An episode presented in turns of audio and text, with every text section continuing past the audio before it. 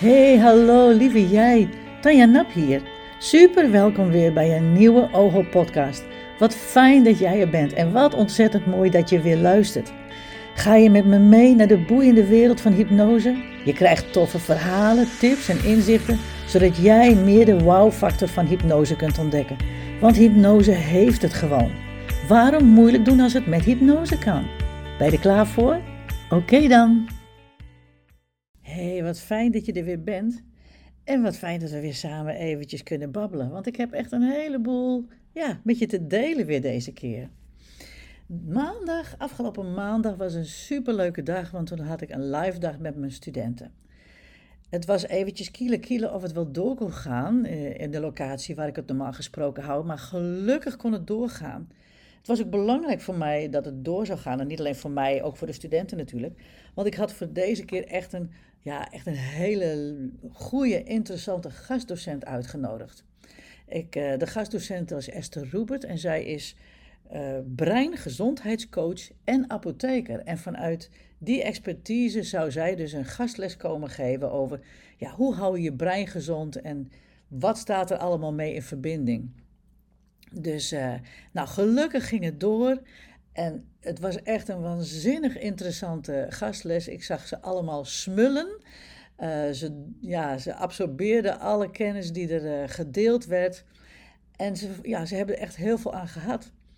Je brein is dus gewoon heel erg belangrijk. Wij werken met het brein en zij werkt ook met het brein op een hele andere manier. En voeding is dus ook van invloed op je brein. Daarbij heb je natuurlijk ook nog het tweede brein, je darmen. Dus ook daar ging het over. Ja, hoe houd je brein ge gezond? En het mooie was dat ik dat dus vandaag weer kon gebruiken in mijn gesprekken die ik dan heb met mijn COVID-cliënten. mensen die COVID hebben gehad. Dus ik kon het eigenlijk meteen weer met hun mee communiceren. Want mensen die COVID hebben gehad, die kampen vaak met allerlei problemen in de trant van geheugenproblemen, woordvindproblemen, concentratieproblemen uh, en nog veel meer. En dat heb ik dus ook aan haar gevraagd tijdens die gastles, want daar kon ze natuurlijk mooi een antwoord op geven. Kunnen dat soort klachten dus ook verholpen worden? Of wat doe je daaraan? En haar antwoord was ja, heel helder van voeding is daar gewoon heel erg belangrijk in.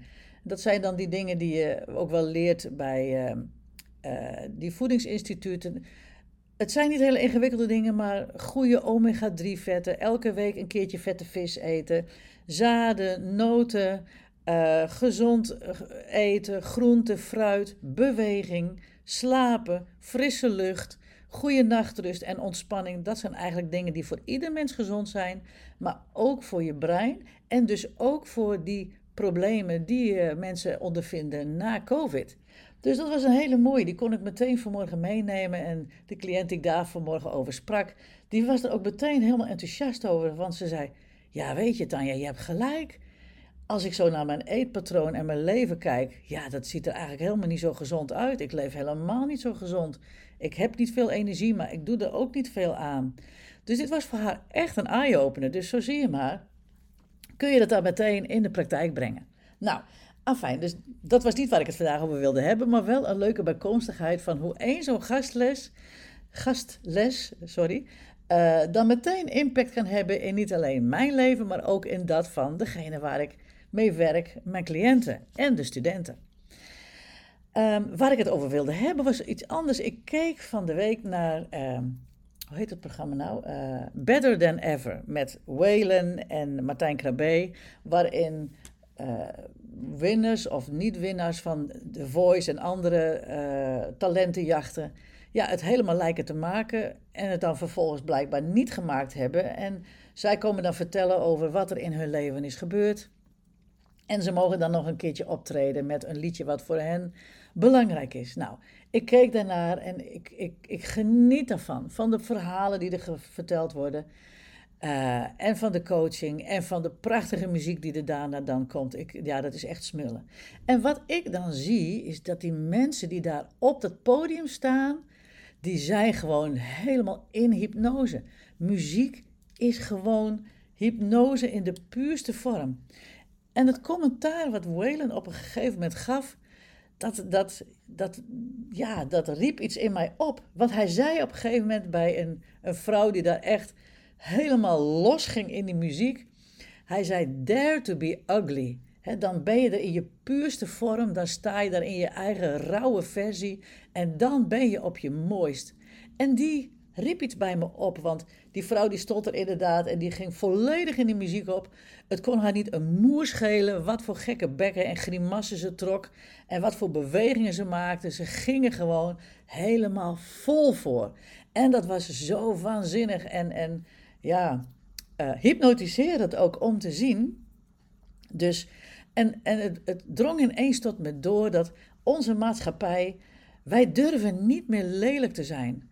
Iedereen uh, is zo bezig met zichzelf van de mooiste kant te laten zien, van de beste kant te laten zien. We leggen zulke hoge eisen, we leggen de hat zo, zo hoog. Niemand durft meer lelijk te zijn. En we worden daarin ja, gestimuleerd of, of opgehitst door social media, waarin mensen alleen maar halleluja-verhalen laten zien. Uh, van uh, hoe geweldig het met hun gezin gaat, hoe geweldig het met hun carrière gaat. Je ziet ook dat jonge meisjes helemaal de vernieling ingaan door, door, door eetstoornissen en, en perfectionisme en, en automutilatie, zichzelf verwonden of depressief worden omdat ze niet aan die idiote normen kunnen voldoen die er de laatste tijd uh, ja, op hun gelegd worden. Dare to be ugly. Het, het, we zouden iedereen op moeten roepen om geen halleluja-verhalen meer te plaatsen op de socials, maar baggerverhalen. Hè? Verhalen over, en dat bedoel ik niet dat je moet gaan zwelgen in zelfmedelijden, maar dat, je, dat er gewoon een reëel beeld geschetst moet worden van hoe een mensenleven eruit ziet. En dat is niet alleen maar roze geur en maneschijn. En dus de mensen die bij mij in de stoel komen vaak, Vanmorgen had ik er nog weer een. Het was dan wel online. Ik vroeg aan haar: Hoe gaat het met je? Goed, zei ze. En toen zei ik: Ja, we draaien de rollen even om. Nou ben ik jou en jij mij. En jij vraagt aan mij: Hoe gaat het met je? En dan zeg ik: Goed. En weet je, dit is niet de eerste keer dat dit gebeurt. Dit gebeurt 9 van de 10 keer. Dus toen zei ze: Ja, het gaat eigenlijk helemaal niet zo goed met me. Maar waarom zeggen we dat nou niet meteen? Als ik nou als hulpverlener aan iemand vraag: hoe gaat het met je? Je komt bij mij voor de hulp. En ik vraag aan jou: hoe gaat het met je? En je zegt dan goed. Maar dat gaat niet goed. Waarom zeg je dan zelfs bij mij niet dat het niet goed met je gaat? En dat is dan niet omdat ik geen goede hulpverlener ben. Nee, dat is dat dare to be ugly. We durven niet te laten zien hoe lelijk het er in ons hoofd aan toe gaat. Hoe het echt met ons gesteld is. We durven die lelijke waarheid niet te laten zien of te horen. Nee, altijd maar weer kin omhoog, schouders recht, niet klagen maar dragen en bidden om kracht. En dat is zo ontzettend ja, jammer. Ik, ik word er wel eens een beetje verdrietig van zelfs.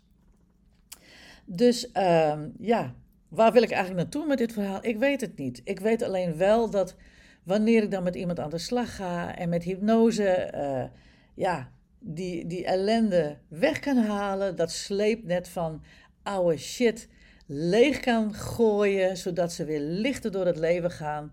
Ja, dan, dan zie je gewoon mensen opknappen en de volgende keer zien ze er zo'n stuk beter uit. En als ik dan vraag, hoe is het met je? Dan zeggen ze, ja, goed. En dan is dat een echt goed, hè? Dan hoef je niet meer beter voor te doen dan je bent. Eigenlijk hoef je natuurlijk helemaal niet beter voor te doen dan je bent, maar ja, dan hoef je ook niet meer de lelijke waarheid te laten zien. Dan kun je gewoon weer lekker in je vel komen te zitten. Met hypnose kan dat hartstikke snel. En dat maakt mijn werk dan weer zo fantastisch mooi. Dus ja, dat wilde ik gewoon even met je delen. Ik ben ook heel benieuwd, hoe is het met jou? Durf jij je eigen lelijke ik aan de buitenwereld te laten zien? Of werk jij met mensen uh, die dat heel erg hebben, die zich laten beïnvloeden door de socials en daardoor een soort van tweede leven leiden in plaats van hun echte eigen leven? Ik ben heel benieuwd uh, ja, hoe jij daarin staat, wat jouw ervaring daarin is, wat jij daarin meemaakt, of het nou van jezelf is of dat je het ziet bij iemand anders in je omgeving. Laat het me weten. Uh, geef een reactie en uh, vertel me hoe is het voor jou. Dare to be ugly. Durf jij dat? Ik ben heel benieuwd.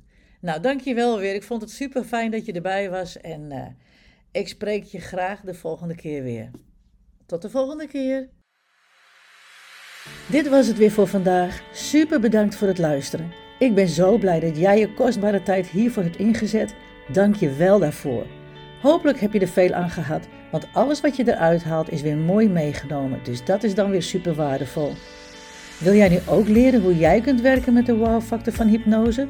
Kijk dan op onlinehypnoseopleidingen.nl of volg me op Insta, Facebook of LinkedIn. Online hypnoseopleidingen.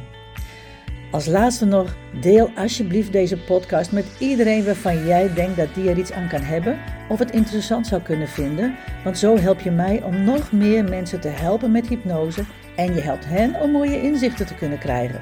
Dus please deel deze podcast. En laat weten wat ik nog meer voor je kan betekenen in de reacties. Heb je nog vragen ergens over? Wil je meer weten? Laat het alsjeblieft weten via Facebook, Insta, LinkedIn of stuur me een mailtje info@onlinehypnoseopleidingen.nl. Tot de volgende keer. Bye bye.